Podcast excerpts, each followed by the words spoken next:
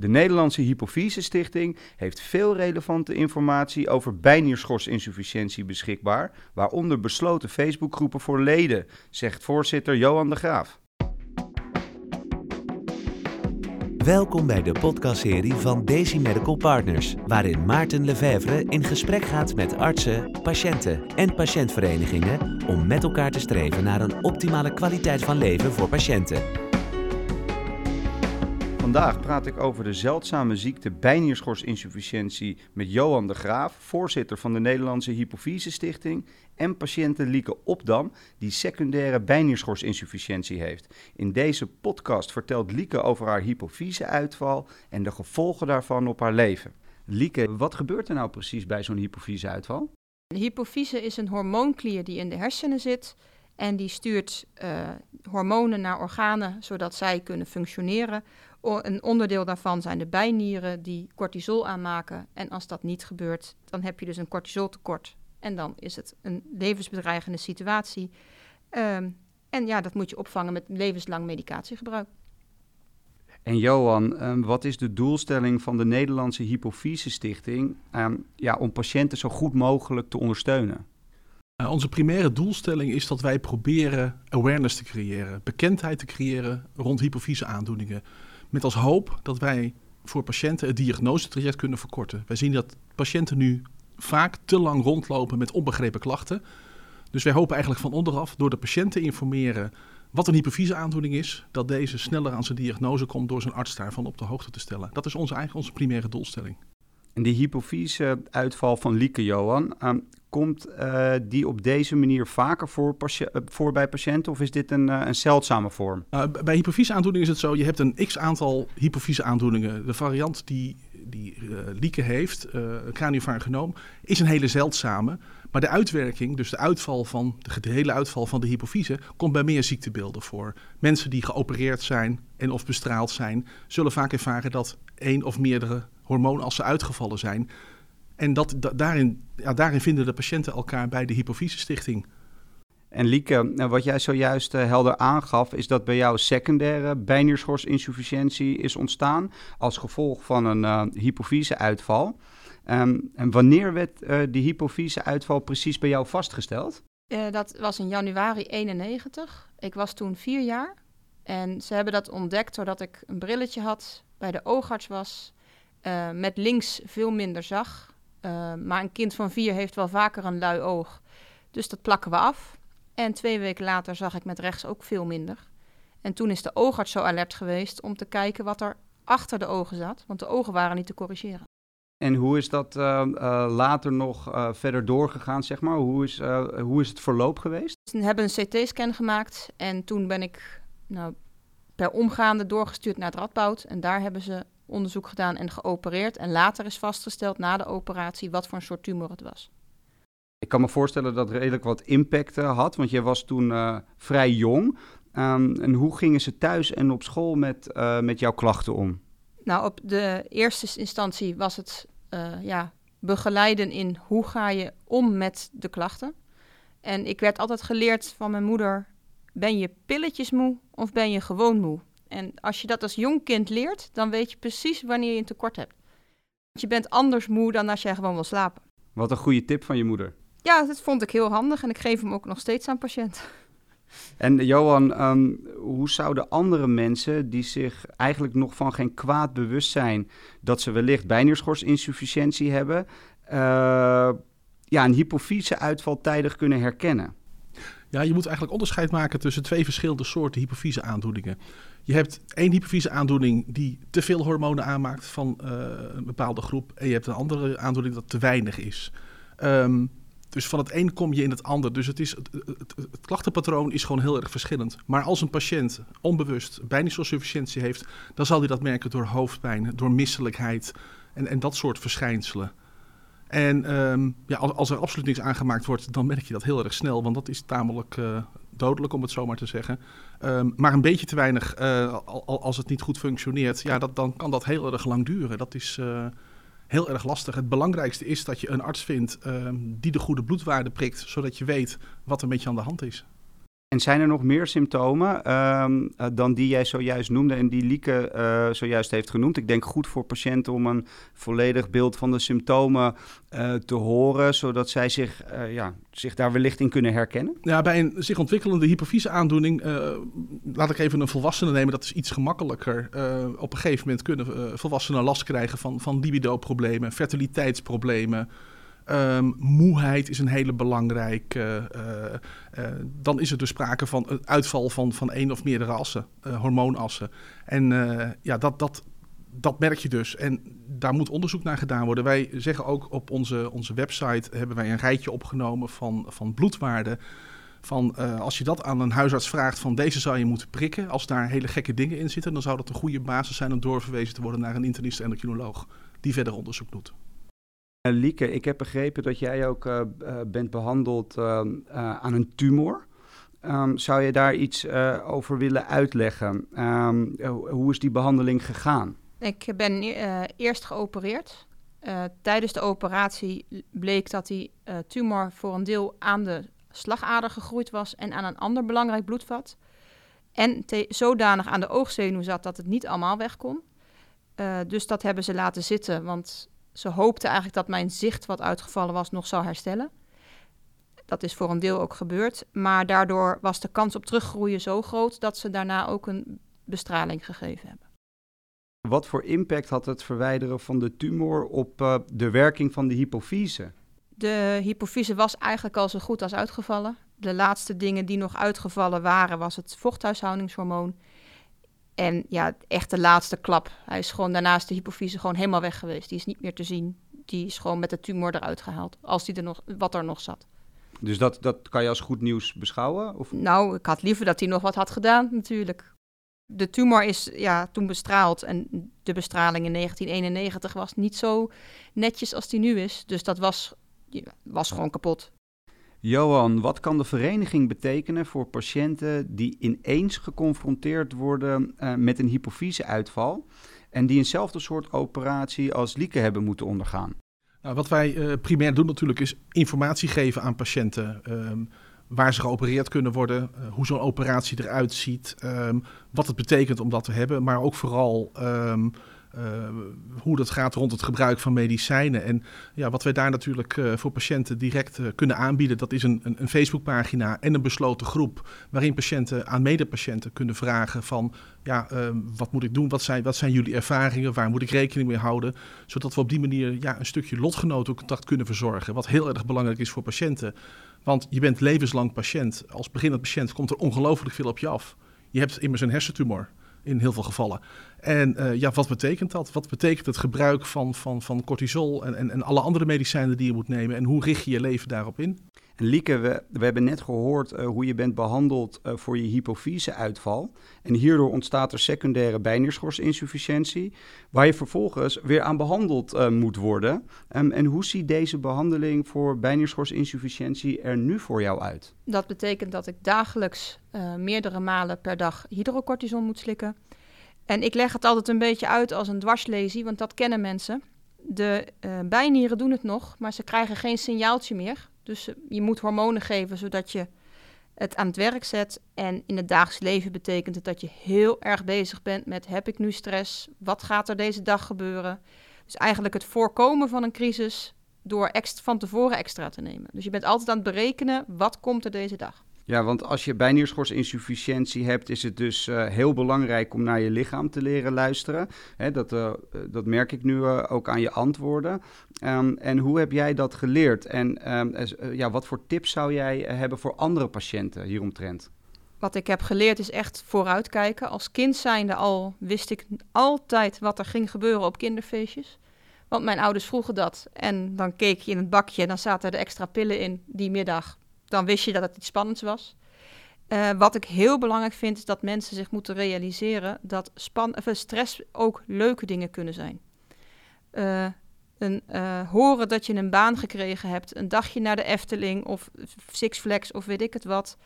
Um, alles is stress. Is dat, moet je dat zien als een beetje adrenaline dan misschien? Positieve adrenaline? Ja, zo moet je het zien. Er moet adrenaline aangemaakt worden in je lichaam en daarvoor heb je cortisol nodig. En dat moet je dus aanvullen. Mooi voorbeeld. Uh, jij hebt ooit een uh, bijniercrisis ervaren. Uh, wat is je daar nou het meest van bijgebleven? Wat mij bijgebleven is, is dat het een bodemloze put was. Dus dat ik er pillen in kon blijven stoppen, maar dat het eigenlijk al op was voordat ze opgenomen waren, om het zo te zeggen. En nou, ik ben nog nooit zo beroerd geweest. Ik heb vaker dat je het met pillen bij kon slikken, maar deze crisis, dat was, nou, wat ik zeg, kon niks meer. Koud, rillen, het idee van wegvallen, in de zin van bijna flauw vallen, sterretjes zien.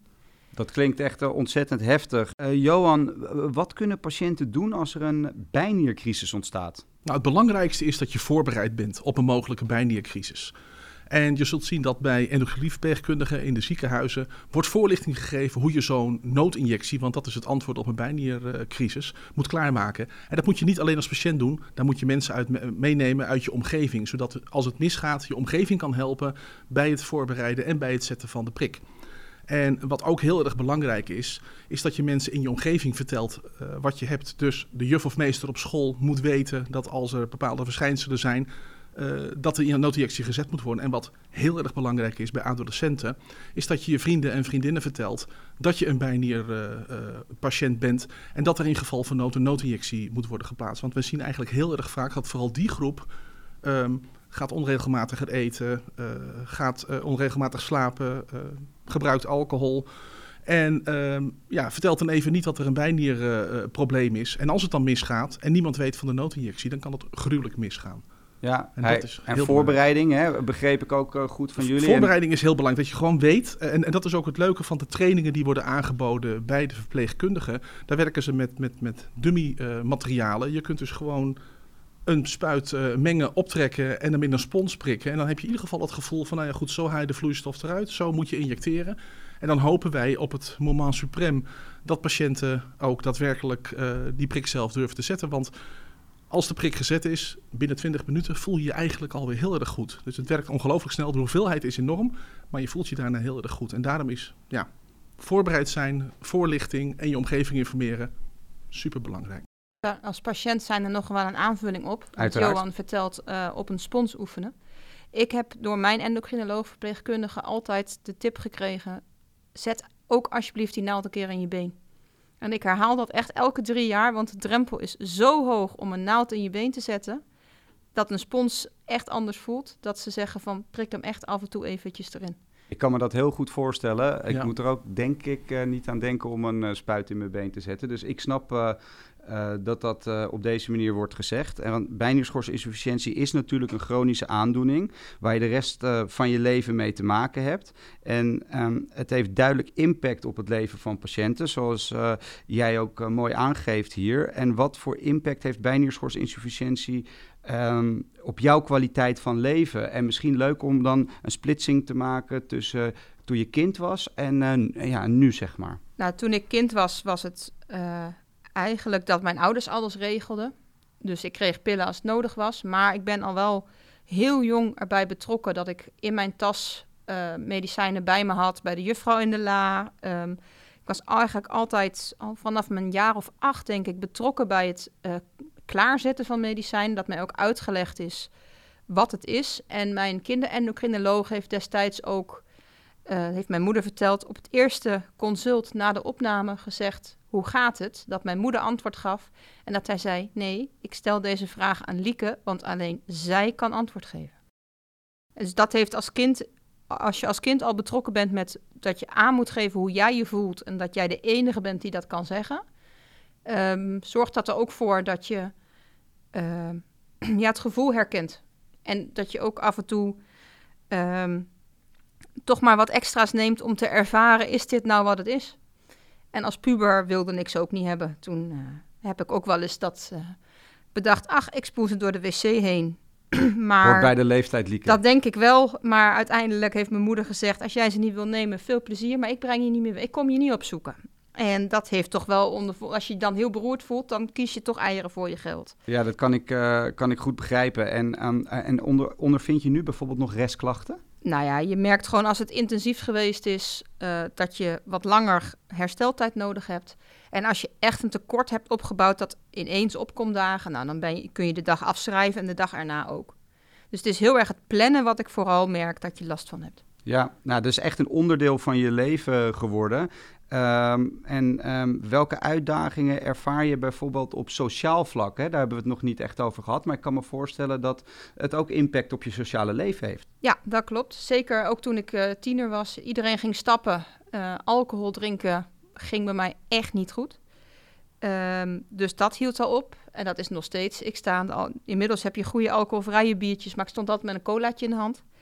Uh, maar ook als je op vakantie wilt, je moet altijd zorgen dat je op een plek bent waar een ziekenhuis in de buurt is. Dat je in allerlei talen alles meeneemt.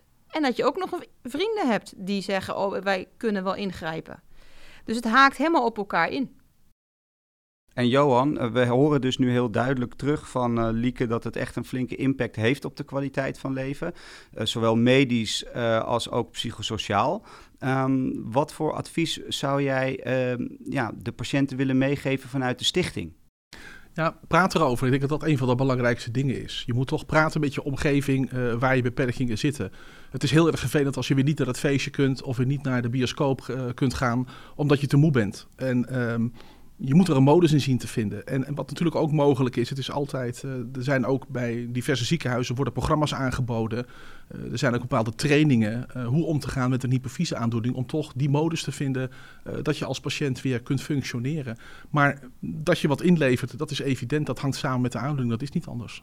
En Lieke, vaak zie je dat patiënten met bijnierschorsinsufficiëntie ook psychosociale hulp krijgen. Um, heb jij dat ook gehad? En als je dat uh, hebt gehad, uh, ja, wat heeft het je gebracht? Nou ja, ik heb als kind zijnde hulp gehad met hoe groei je op met dit. en dat was op een hele speelse manier van ja, aangeven hoe, maar ook um, welke manier je het aan anderen vertelt. Want wat Johan zegt, hoe vaak je wel niet een feestje last minute af moet zeggen van ik ben te moe. En de reactie die je krijgt, iedereen is toch wel eens moe. Dat moet je echt uit gaan leggen. Uh, en daar moet je jezelf ook vooral niks van aantrekken. En dat is heel moeilijk. Dat kan ik me heel goed voorstellen, ja. Als, dat, uh, als je natuurlijk ontzettend moe bent en dat wordt tegen je gezegd, iedereen is wel eens moe, ik kan me voorstellen dat dat uh, heel onplezierig om te horen is. Ja, zeker. En ik heb toen ook van een, een psycholoog gehoord, dat was in, tijdens een revalidatietraject wat ik gehad heb, omdat er ook hersenletsel ontstaan is. En die zei, je moet het eigenlijk uitleggen als een nieuwe auto van jouw leeftijd, maar met een accu van een oldtimer. Dus hij laat langzamer op en hij loopt sneller leeg. Ik denk een heel goed voorbeeld. Johan, um, uh, vanuit de stichting, um, waar uh, kunnen patiënten goede psychosociale zorg uh, krijgen?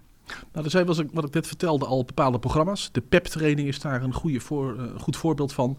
Uh, sommige ziekenhuizen bieden die training aan, maar er zijn ook andere programma's die ziekenhuizen aanbieden. En ik denk dat het uh, ja, heel belangrijk is om, om, om erover te praten en om te kijken uh, of er iets gedaan kan worden aan de, ja, aan de psychosociale nood die bestaat. je moet ermee om leren gaan. Je moet accepteren dat je het leven wat je had voor je aandoening ja, niet meer op dezelfde manier terug gaat krijgen. En dat is, dat is werken. Het, het, het, is niet anders. En, en je kunt ook veel steun vinden bij lotgenoten om erover te praten. Het blijft moeilijk, absoluut. Ja, ja. En uh, we komen aan bij de laatste twee vragen van, uh, van de podcast. En uh, Lieke, om bij jou te beginnen. Um, wat zouden patiënten zelf kunnen doen om wat beter begrepen te kunnen worden door hun omgeving? Hè? Want de omgeving kan er natuurlijk veel aan doen. Maar wellicht dat er ook vanuit de patiënt zelf initiatief genomen kan worden. Nou, ik zeg altijd, hoe lastig ook, open zijn. Want je ziet niks aan ons, maar je bent wel degelijk ziek. En ik heb ook wel eens meegemaakt dat ik dacht, ik, neem mijn rolstoel bij de thuiszorg mee, want dan word ik in ieder geval begrepen. Dus open zijn, uitleggen wat het is en ja, dat niet in te moeilijke termen doen, maar gewoon vertellen wat er is. Uh, dus het doet het niet. En heel duidelijk naar je omgeving zijn, wat moet je doen als het niet goed gaat. Ik heb op mijn werk ook gezegd, jongens, uh, zodra ik omval of als ik aangeef het gaat niet goed, bel alsjeblieft meteen 112 beter een keer te veel dan een keer te weinig. En dat is bij alles dat ik denk van, vrienden weten altijd waar mijn medicijnen zijn. Uh, in huis weten ze het. Ja, zorg dat als je alleen woont zoals ik, dat de buren de sleutel hebben en weten wat ze moeten doen. Dus dat zijn echt dingen van, ja, openheid redt eigenlijk je leven in situaties dat het noodzakelijk is. En uh, proactief handelen, als ik het uh, zo hoor. Je moet erg proactief zijn eh, rondom je eigen ziektebeeld. Dus ik denk een hele mooie tip voor de patiënten die deze podcast luisteren. En Johan, welke tips heb jij voor patiënten als het gaat om de communicatie met zorgverleners, zoals bijvoorbeeld een verpleegkundige of een endocrinoloog? Nou, ik denk dat de verpleegkundige een hele belangrijke rol speelt. Die heeft over het algemeen meer tijd voor de patiënt en daar kun je ook makkelijker terecht met je vragen. En dat dat heel belangrijk is. En, sowieso, ja, een endocrinoloog, um, schrijf je vragen van tevoren op. Uh, weet wat je gaat bespreken. Het zal altijd gaan over de bloedverslagen. Dat is gewoon heel erg belangrijk. Maar proberen ook in de voorbereiding na te denken van... Ja, hoe, is, hoe is het de afgelopen periode gegaan? Uh, waar heb ik vragen over? Waar zou ik verbetering willen zien? Uh, ja, dat soort dingen. Maar de endoverpleegkundige, dat is echt voor ons een, een, een baken op zee. Dat is echt ongelooflijk belangrijk. Nou, dan uh, hoop ik dat uh, zij deze podcast ook luisteren. Een heel mooi compliment. Uh, Lieke, Johan, ontzettend bedankt voor, voor het leuke gesprek. Graag gedaan. Graag gedaan.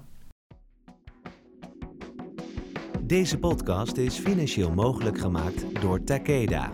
De hierin besproken meningen en ervaringen zijn afkomstig van de geïnterviewde persoon. Takeda heeft geen invloed op de inhoud gehad.